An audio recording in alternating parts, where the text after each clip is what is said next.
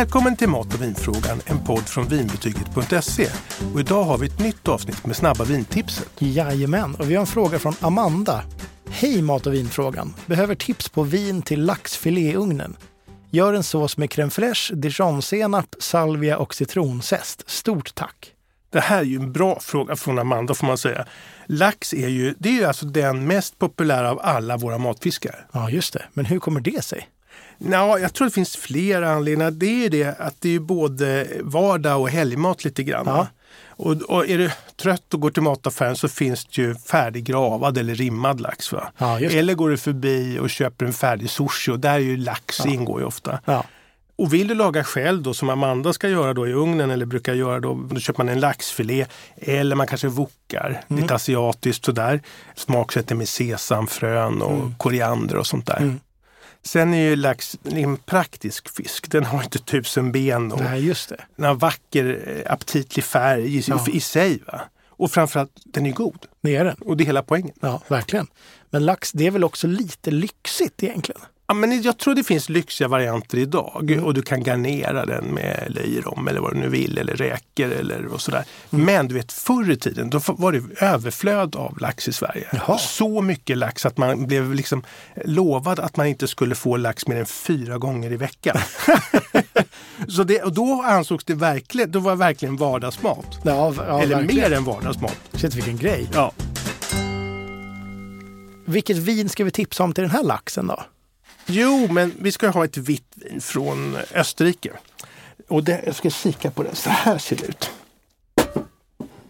Ja, den här var lite härlig. Det är, det är en man med ett grishuvud här på etiketten. Ja, visst förstår du. Det här är då, det, vinet heter The Butcher White Cuvée och det är en, mannen med, med grishuvudet, det är en, han symboliserar en slaktare. Va? Och eh, grundaren av det här vinhuset heter Hans Schwarz och han var slaktare. Men man hade i familjen odlat druvor i generationer där i den här byn då, Andau i Burgenland i Österrike. Han gjorde hobbyvin och var lite road sådär. Men Okej, ja.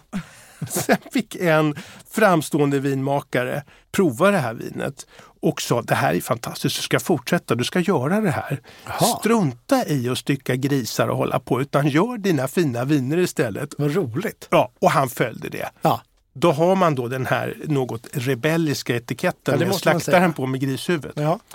Och det är kul för att häromdagen så gjorde vi, vi gör ju saker på vinbetyget, Instagram ibland. Då gjorde vi en, en omröstning med två etiketter. ja. En klassisk och den här rebelliska med slaktaren. ja. Och den här eh, rebelliska med slaktaren, den vann stort. Va?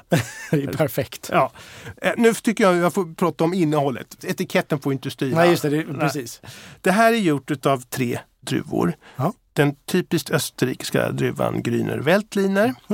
Den heter Welsch Riesling, en annan druva. Det är inte att eh, förväxla med eh, vanlig Riesling. Och det här är en österrikisk variant. Och så är det den franska druvan Sauvignon Blanc. Mm. Så det här blir en jätte... Och det heter ju då vinet heter ju cuvée. Mm. Och det betyder att det är en blend, en blandning eller en mix. Just det.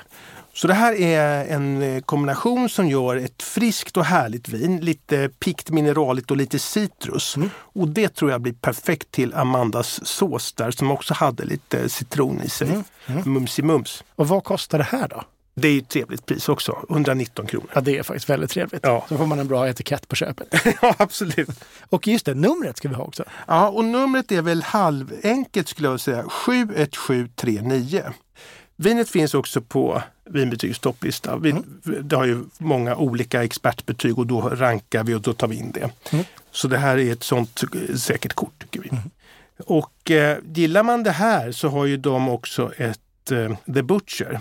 Slaktaren här nu, eller för detta slaktaren i Burgenland, han gör även ett rött vin av druvan Pinot Noir.